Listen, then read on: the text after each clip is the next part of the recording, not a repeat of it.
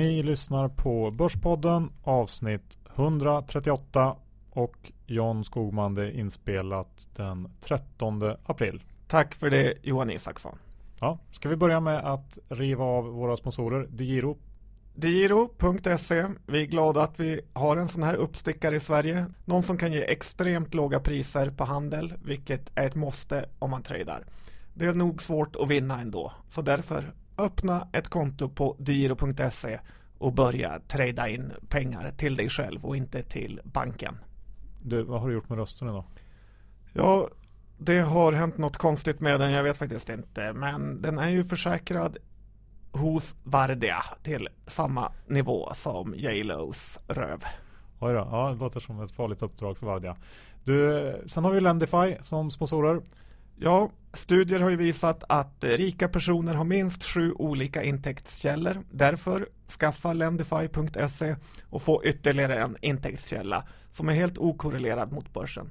Snittavkastningen låg förra året på drygt 7% Bolaget som tagit peer-to-peer lending till Sverige. Så öppna konto på lendify.se och bli din egen bank. Yes, gå in och kolla in Lendify. Du John, vad ska vi snacka om idag? Ja, idag blir det en rapportgenomgång av Johan Isaksson, Sveriges bästa rapporttrader. Sen blir det eh, en liten eh, vinkling av världshistorien från mig. Vi tittar på några aktietorgetbolag, First North-bolag och ja, en hel del andra bolag på andra listor också Johan. Ja, som vanligt ungefär, fast bättre. Kul! Då kör vi! Johan Dr. Bass Isaksson. Index är på 1384 nu. Och eh, för första gången har jag hört dig vackla lite i din tro Johan. Du har lite grann nämnt att du är orolig att centralbankerna har lyckats brygga den här lågkonjunkturen. Kan du utveckla det?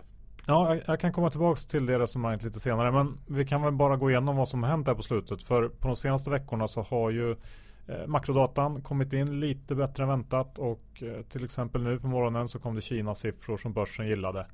Och det här då i kombination med att eh, oljepriset har fortsatt upp. Det känns som att det har drivit på börsen ganska bra på slutet. Uh, och, och, det som händer i oljan nu är ju ganska intressant för den har ju stigit dels med hjälp av lagerdata som har varit bättre än befarat och många var ju ute för några veckor sedan och pratade om att vi snart skulle få slut på lagerutrymme och att det i sin tur skulle få oljan att eh, rasa ner igen.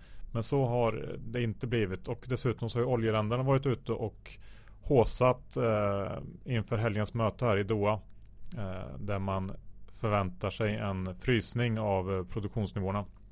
Så att eh, det börjar bli rätt höga förväntningar där inför det mötet och eh, det ska bli väldigt intressant att följa eh, och se hur det slutar. Men det känns, ja, det känns som att det kan bli lite antiklimax av, av hela den här grejen i helgen. Det är lite svårt att veta om billig olja är bra eller om dyr olja är bra. Det är, ett, är väldigt konstigt hur börsen reagerar där kan man tycka. Ja, det vet man aldrig om. Men ska vi gå tillbaka till det här med att jag var lite rädd för att centralbankerna skulle lyckas brygga den här lågkonjan som jag ju väntar på. Eh, och det jag syftar på är väl att vi är inne i det fjärde kvartalet nu med minskade vinster i USA. Eh, och senast vi såg det här, det var ju under finanskrisen. Men eh, trots det så står börsen i USA envist kvar vid all time high nivåer. Och eh, jag har lite svårt att greppa det. Men eh, vi får se. Det kanske kommer. Ja, det gäller att vara uthållig med börsen. Det är en av de viktigaste aspekterna. Ja, men inför rapportperioden i USA kan man i alla fall konstatera att förväntningarna ser ganska höga ut. Och eh, att eh, risken för nedreviderade prognoser eh, allt eftersom rapporterna trillar in är ganska hög. Och så får vi ju komma ihåg det här med att 75% av bolagen i S&P 500 inte får genomföra buybacks fram till någon gång i början av maj tror jag. Vilket ändå gör att det här risk-on-klimatet som vi har just nu kan brytas väldigt, väldigt snabbt tror jag om eh, rapportperioden inte levererar. Och först ut här för någon dag sedan var ju Alcoa. Aluminiumbolaget. Ja, precis. Och det är väl kanske inte riktigt så intressant längre som det var en gång i tiden. Men eh, Alcoa levererar inte trots eh, rätt låga förväntningar. Och det tycker jag ändå var lite intressant att, att se att marknaden faktiskt trodde på mer där. Ja, och det hänger ihop med riskviljan Johan, lite hur det kommer gå på rapporterna. Ja, jo, så kan man ju se det. Och, och för tillfället så finns ju den ver verkligen här, framförallt i Sverige. Eh, småbolagen hetare än någonsin. Alla bolagspresentationer är fullbokade och eh, den kanske bästa indikatorn av alla är väl att eh, Fingerprint handlas lika intensivt som om det vore 2015 igen. Och ja, det är, det är håsigt nu. Ja, det var inte jättelänge sedan i och för sig. Det var 2015 Johan. Men du är väl lite inne på att det är den bästa tiden någonsin nu på något sätt? Ja, lite så. Jag frågar mig, är den bästa tiden i världshistorien kortsiktigt vi ser just nu? Vi har skapat ett system där pengar är gratis, vilket i sin tur leder till att nästan allt annat också blivit gratis. Till exempel energi, kläder, elektronik med mera. Det enda som inte blivit billigare är riktiga tillgångar, till exempel bostäder och eh, sånt som är bra att ha när man tappar förtroendet för pengasystemet. På ett vis undrar jag inte om det redan är vad som har hänt. Att folk i en liten, liten utsträckning nästan utan att veta om det själva har börjat känna oro för hela systemet. En gammal klyscha är ju att tid är pengar. Till exempel om du tjänar bra på jobbet är det mer lönsamt att hyra en städare än att städa själv och så vidare. Men om pengar är gratis, då borde ju tid i den ekvationen gått upp till nästan oändligt eh, värde. Och det om något borde ju vara extremt inflationsdrivande. Vilket vi sett på fasta tillgångar. Så jag undrar verkligen om riksbankscheferna vet vad de har gett sig in på. För att knyta ihop resonemanget så vet vi vad som hände förra gången det var überhög konjak. Jo, det kallades det glada 20-talet. Det känner alla till. Och vad som kom efter 20-talet? Jo, lågkonjunkturens lågkonjunktur gånger 100 samt att jorden höll på att gå under i krig. Ja, men det låter väl som en rimlig outlook. Du, sen så har vi en eh, intressant nyhet från Stockholms bostadsmarknad John. Ja, det är ju så att Sveriges stekigaste trader säljer sin lya. Traderlegenden Anders Forsberg som är mångas förebilder för daytrading och förmodligen den som var först ut med det lite mer glamorösa tradinglivet. Och hans vindsvåning är nu ute på Hemnet, så kika in hur ni kan få bo om ni är riktigt lyckade.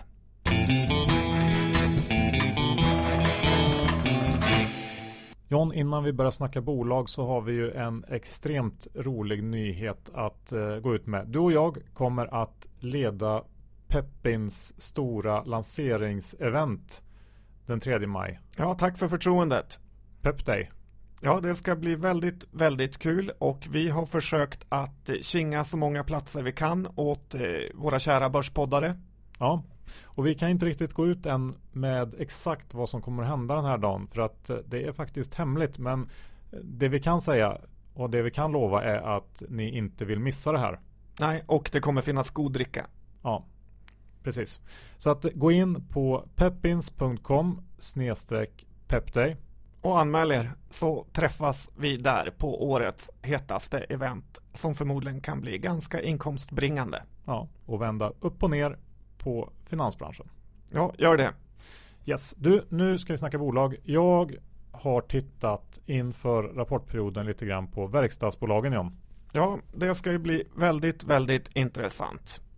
Ja, det är väl eh, där som man kan ta tempen på konjunkturen eh, som bäst kanske. Och eh, det är ju så att många bolag i verkstadssektorn har gått väldigt starkt sedan botten. Och det trots att estimaten fortsatt falla och att dollarns tapp eh, faktiskt börjar innebära ganska rejäl motvind. Även om det antagligen kommer att börja märkas på allvar först i Q2. Eh, och även om en del makrosiffror vänt upp på slutet så tror jag att vi måste få stöd i rapporterna om det här ska hålla.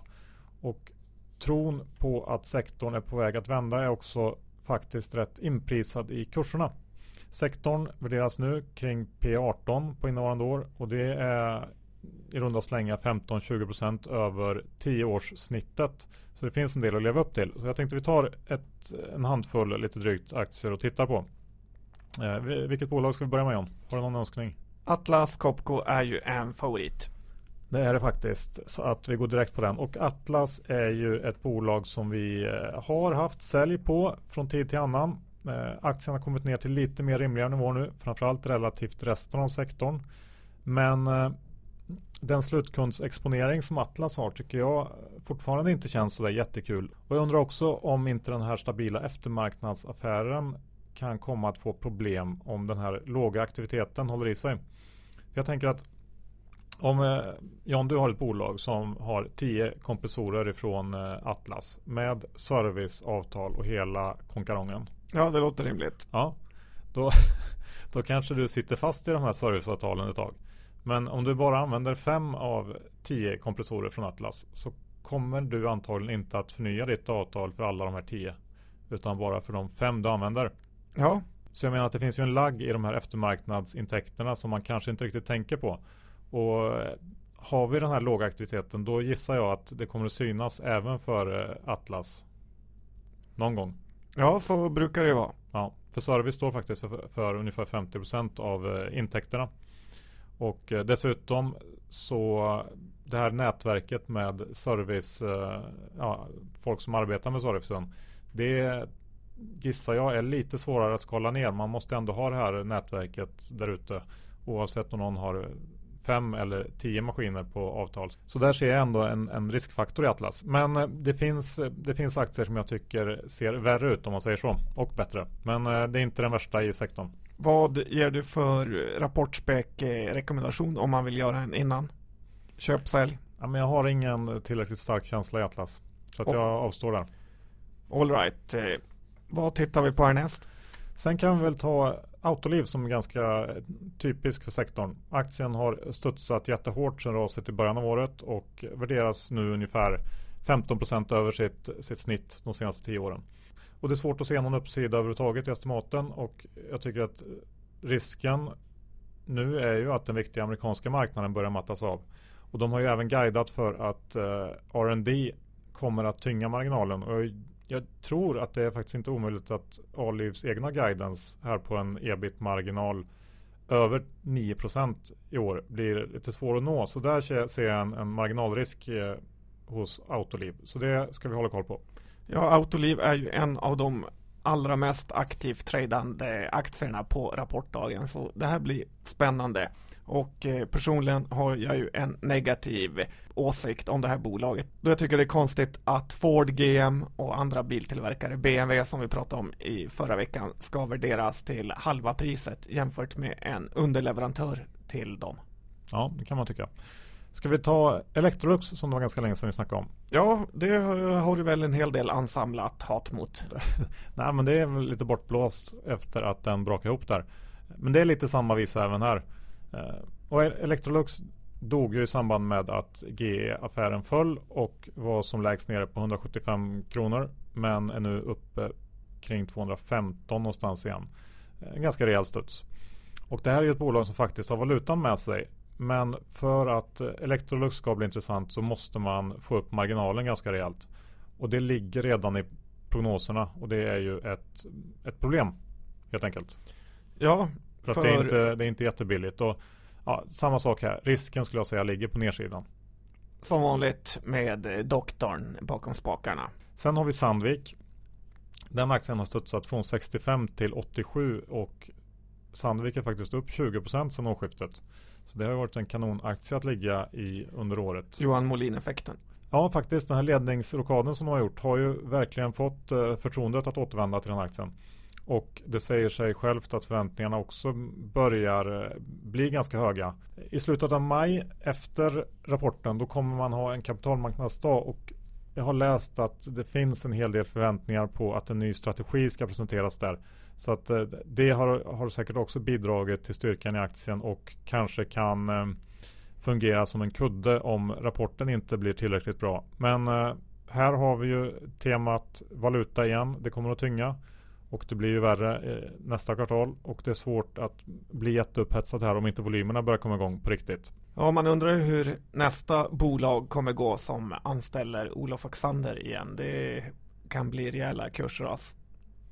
Ja, kanske SKF ska göra det? Ja, berätta lite om dem då. Ja, det är väl kanske det bolag av de stora inom verkstadssektorn som har påverkats mest av den svagare konjunktur vi haft sista kvartalen och där avmattningen faktiskt syns tydligt både i, i estimat och i aktiekurs. Men trots svag aktieutveckling så kan det vara värt att påminna sig om att SKF fortfarande handlas eh, till en 20 kanske 25% premie till och med mot sitt 10-årssnitt. Så att det är inte det är inte billigt. Det tycker jag att man ska ha med sig. Och vi får se fler och fler eh, rapporter om ökad konkurrens och eh, prispress ifrån eh, Asien. Så att här är det väl ett stalltips att vara lite försiktig. Ja, så där också. Men vad har vi mer något bolag som känns lite positivt då? Ja, ska vi ta någonting som väl känns okej okay, så är det väl Volvo ändå. Ja, de har ju kommit tillbaka med buller och bång. Ja, uppe kring 90 kronor igen och trots en eh, ganska stark utveckling så är det faktiskt bland de billigare bolagen i verkstadssektorn. EV-ebit kring 8-9 på året och eh, tittar man på den viktigaste delen, lastvagnarna, så vet alla att USA har varit svagt medan Europa har gått bättre. Och det är så att Q1 antagligen blir det svagaste kvartalet under året om vi inte får något större ras i ekonomin eftersom eh, man har tvingats dra ner produktion där och eh, har kostnader som släpar så eh, ja, kostar det mycket nu men det kommer att minska för varje kvartal som går i och med att man får bort de här kostnaderna. Jag är väl lite halvkluven till Volvo. Jag tycker i grund och botten om bolaget men de har en tendens att komma in med ganska stora avvikelser mot estimaten. Och det, är alltid, det är alltid spännande när Volvo kommer rapport. Men ur ett rent värderingsperspektiv så känns det som en av de mer intressanta aktierna ändå i verkstadsspektrumet. Ja, och sen har ju XC90 eh, sålt väldigt bra, jag har hört. Ja, det är kanon för Volvo. Du, eh, ska vi ta en aktie till här innan vi går över till något annat? Jag tänkte eh, ta en liten återblick till Assa som vi ju rekade sälj på inför förra rapportperioden. Ja, det är ju spännande. Det med högst värderade verkstadsbolaget i norra hemisfären. Jag känner att det finns ingen anledning att eh, ändra på det nu. Främst så är det som du säger för att aktien har en riktig tillväxtvärdering utan att bolaget som eh, följer med aktien växer alls och det funkar ju inte. Om. Nej, det låter lite konstigt. Ett annat bolag vi har pratat en del om på senare tid är ju Nilongruppen. Ja, den här aktien gillade vi på Börspodden kring 30 och eh, på någon sinnessjuk vänster har jag lyckats hålla en del aktier ända hit upp. Men nu tycker jag att det är slut. Droppen blev när jag läste att Remium skrev en analys om att man förväntar sig att bolaget delar ut 10 kronor de närmsta tre åren. Vilket är 25 procent av bolaget. Ja, det kanske stämmer, men det är precis sådana här resonemang där man tittar för långt in i framtiden som är farliga. Ett långsiktigt hot som jag kan se för Nilörn är att när allt mer handel sker via nätet så kommer en häftig etikett att bli allt mer oviktig. Köpbeslutet, köpbeslutet är redan taget på nätet och när paketet kommer hem så är det hur den passar som är avgörande, inte etiketten. Det är den långsiktiga oron jag har. För att man ska alltid vara orolig för något. Det kortsiktiga är hur dåligt det har gått för R&B, MQ, VRG, Kappahl och andra klädbolag. Så kan det omöjligen vara bra för Nilarn. Kom ihåg att det här bolaget har gjort två dåliga rapporter och en bra. Så att det här är inte Apple eller Amazon vi snackar om. Jag bara säger det, de indikerade även att den här rapporten kommer bli bra med orderingången. Men kom ihåg vad proffsen säger. Sälja ska man göra när man kan, inte när man måste. Ja, och nu kan man faktiskt sälja Nilongruppen. Investmentbanker, John, är det något att ha? Jag tittar lite på det idag och det är väldigt, väldigt ofta att investera i investmentbanker är en väldigt dålig långsiktig investering. Men det kan vara kanon i det kortare perspektivet. Tittar man på Goldman Sachs så har den samma kurs nu som den hade 2006 och det är i princip 10 år utan värdestegring. Visst, eh, lite utdelning, men det är väldigt eh, lite. Morgan Stanley är på samma kurs nu som det var 1996 och eh, de här bolagen har gått upp massor i omgångar, till exempel år 2000 eller 2006 för att sen kollapsa. Tittar vi på Credit Suisse så är det här bolaget på all time low. Deutsche Bank är inte långt därifrån. Och eh, tittar man här i Sverige på Carnegie eller HQ så vet vi alla hur kul det var att äga de bolagen. I Sverige har vi också Catella och eh, vad gäller Catella så är det på pappret väldigt lågt värderat men man ska heller aldrig räkna med att få någon hög värdering i det här bolaget. Och i år har ju dessutom deras hedgefond gått lite knapert. Ja, och om jag får tillägga någonting till det resonemanget så skulle det väl vara att de som jobbar på investmentbanker ofta har ett mycket mer kortsiktigt eh, incitament än vad du som aktieägare har. Och det blir ofta minst, vinstmaximering till varje pris på kort sikt vilket tenderar att eh, ja, slå tillbaks eh, efteråt så att det blir väldigt volatilt och de anställda tycker jag fortfarande får för stor del av kakan eh, jämfört med hur mycket aktieägarna får. Ja, det är lite konstigt hur att investera i finansmän är den sämsta investeringen. Ja, eller så är det inte det. Ska vi ta och titta på vad som händer i Ericsson Nokia? Ja, det ska vi göra. För det amerikanska telekombolaget Juniper kom med en rapport som var ganska tråkig. Både Ericsson och Nokia har ju gått rätt eh, dåligt på börsen senaste tiden. Och eh, här gäller det att akta sig. Aktierna är högvilt för traders och eh, andra stora fonder på rapportdagarna. Så det här känns som att det kan bli åka av. Ja, vi får se. Ericsson eh, har väl gått lite på caset att de är ett av få storbolag som fortfarande har massiv cost cutting potential kvar. Och eh, ja det kanske stämmer. Men det är klart eh, efterfrågan kass och intäkterna inte strömmar in då spelar inte det jättestor roll i alla fall inte i det korta. Sen har vi Procter Gamble i USA. 40-20s favoritaktie. Ja, det är ju en så kallad Dividend King och eh, för att bli kallad för Dividend King krävs det att man har höjt utdelningen varje år i över 50 år, vilket är ju helt fantastiskt. Dock var den senaste höjningen endast 1%, alltså lite window dressing kan man tycka för att fortfarande få vara med i den här klubben. Bolaget har inte ökat sin vinst per aktie sedan 2009, så ibland får man en känsla av att de här jättarna är lite grann på dekis. Sen John tänkte jag att vi kunde prata lite om Qliro som eh, ja, varit lite i hetluften på slutet. Ja, och det är ju deras årsstämma där de ska bli accountable för vad de har gjort under året.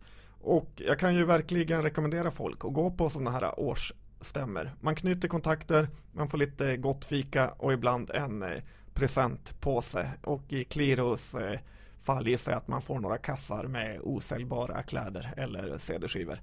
Och det fungerar så att du skickar ett mail eller ringer till bolaget och som bekräftar dem att du är välkommen.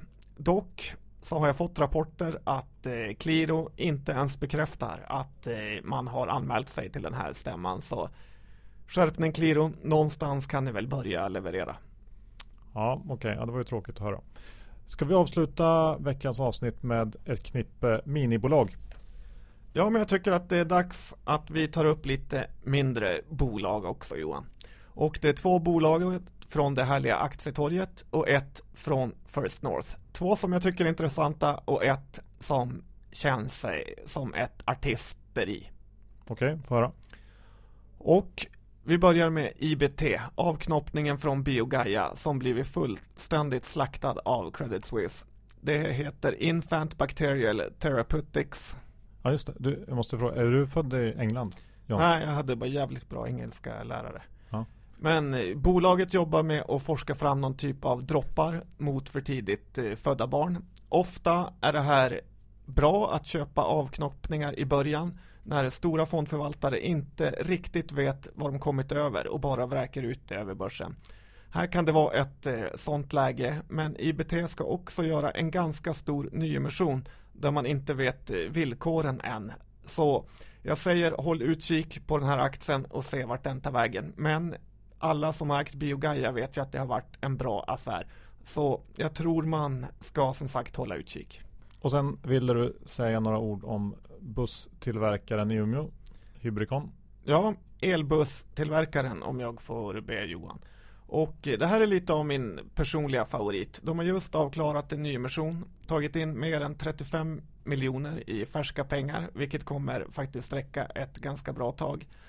Umeåföretaget har lyckats med den faktiskt imponerade bedriften att eh, få bussarna i daglig drift som kör runt i Umeå kommun. Och här finns det både kvalitetsmöjlighet och lite håsmöjlighet. Och vad gäller kvaliteten så är det ju så att kommuner och landsting kommer nog nästa gång de gör inköp av bussar hellre köpa el än diesel och biogas. Och sen finns den här lilla kicken med batteri Tesla-faktorn som jag lägger in i håsfaktorn. faktorn Dessutom är ett stigande oljepris också något som spelar det här företaget i händerna. Ja, det är fruktansvärt högt just nu. Ja, jag gillar möjligheterna och eh, om det är något jag lärt mig om småbolag så är det eh, likviditeten i själva bolaget man ska vara mest orolig för. Och den är ju som sagt undanröjd här. Så huvudägaren och VD har köpt aktier i den här emissionen och jag tar rygg. Det jag kan vara lite rädd för dig John, om jag får klämma in ett sådant argument. Nej. Nej, men jag gör det ändå. det, är, det är ju att Finns det inte en risk att man har fått den här Umeå-ordern bara för att man är ett Umeåbolag och att ingen annan kommer vilja ha det här? Ja, det är ju kul. För jag tänker att eh, ofta vill man ju ha en ganska stor partner som man vet finns kvar och som inte är ett litet skruttbolag på bara aktietorget. Precis. Ja. Nej, det är en bra invändning Johan och eh, det är eh, möjligt att det är så. Däremot ska man inte kanske räkna med att det är sån kompiskultur i Umeå att du bara får sköta lokaltrafiken för att du finns där. Nej, det vore helt orimligt. Okej, sista bolaget. Paras Solar. Det här är ett eh, artisteribolag Johan. Ett annat bolag på aktietorget som såklart gör en nyemission och sista dagen skickar ut ett pressmeddelande eller näst sista dagen innan teckningsrätterna slutar handlas så skickar man ut ett eh, pressmeddelande. Och gissa om det var håsigt eller bäsigt Johan? Håsigt tror jag. Ja, det var helt rätt. Det står att man har fått en order från Nike och eh, citat, det känns roligt att ytterligare ett av de högst värderade varumärkena har fått upp ögonen för Parans och SP4, säger Nils Nilsson, VD på Parans. Och ni som undrar vad Parans säljer så är det någon typ av produkt som gör att man får mer likt solljus inne på sitt kontor och därmed ska väl arbetarna bli lite mer produktiva och inte hamna i depression. Och eh, det står ju också att den här ordern är blygsam, vilket förmodligen betyder att ett kontor i Sverige har köpt in den här produkten medans eh, Parans försöker påskina att det eh, företagsledningen i USA som har eh, fattat det här beslutet. Och det är just den här typen av pressmeddelanden som aktietorget borde granska och slå ner på om man vill ha en lite mer seriösare marknad. Instämmer helt.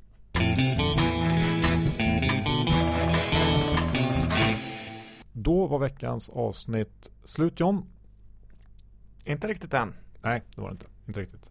Eh, vi kanske ska börja med att eh, informera lite om vad som händer på börsjobb.se. Ja, det finns en hel del härliga jobb där va? Ja, vi har fått in massor av jobb på slutet och eh, PWC bland annat söker just nu juniora analytiker till sin Corporate Finance-avdelning med start i januari 2017. Riktigt bra jobb. Ja, och om du får ett jobb här så får du hjälpa företag och dess ägare eh, med eh, analys, värdering, due diligence och eh, ja, massa kul grejer. Företagsöverlåtelser, förvärv, omstruktureringar. Passar nog en Börspodden-lyssnare väldigt bra tror jag. Du kan gå in på pvc.se karriär och läsa mer om det här och gör det snabbt för sista ansökningsdag är nu på söndag 17 april. Perfekt. Ja, in och sök. Sen ska vi tacka Diro för att ni låter oss handla aktier billigt runt om i världen. Gå in och öppna konto. Och John? Lendify. Fixa en ytterligare en intäktskälla i ditt lilla hushåll så mår du lite bättre. Lendify.se Ja, och glöm för allt i världen inte bort att komma till Peppins stora lanseringsevent 3 maj med oss som ja, vad ska man säga, moderatorer och ledare under dagen. Även om jag ville vara DJ. Ja, men så blev det inte utan eh, vi ska leda er genom den här härliga dagen som eh, kommer att vända upp och ner på hela finansbranschen. Ja, och skynda er och anmäl er. Det vore extremt tråkigt om ni inte kom med när ni ändå lyssnar på den här härliga podcasten. Mm. Peppins.com pepday. Vi twittrar ut också. Och finns på hemsida. Ja. Och Johan, vad har du för fula affärer på gång? Jag har nästan ingenting på gång faktiskt utan eh, av de bolagen vi pratar om så är det väl egentligen bara att jag har lite säljoptioner i Sandvik. Annars eh, ingenting. Du har gått ut på den risknivån nu. Mm. Du då? Jag har lite i IBT och jag har ganska mycket i Hybricon. Okej, bra. Då säger vi tack och hej och så hörs vi om en vecka igen. Det gör vi.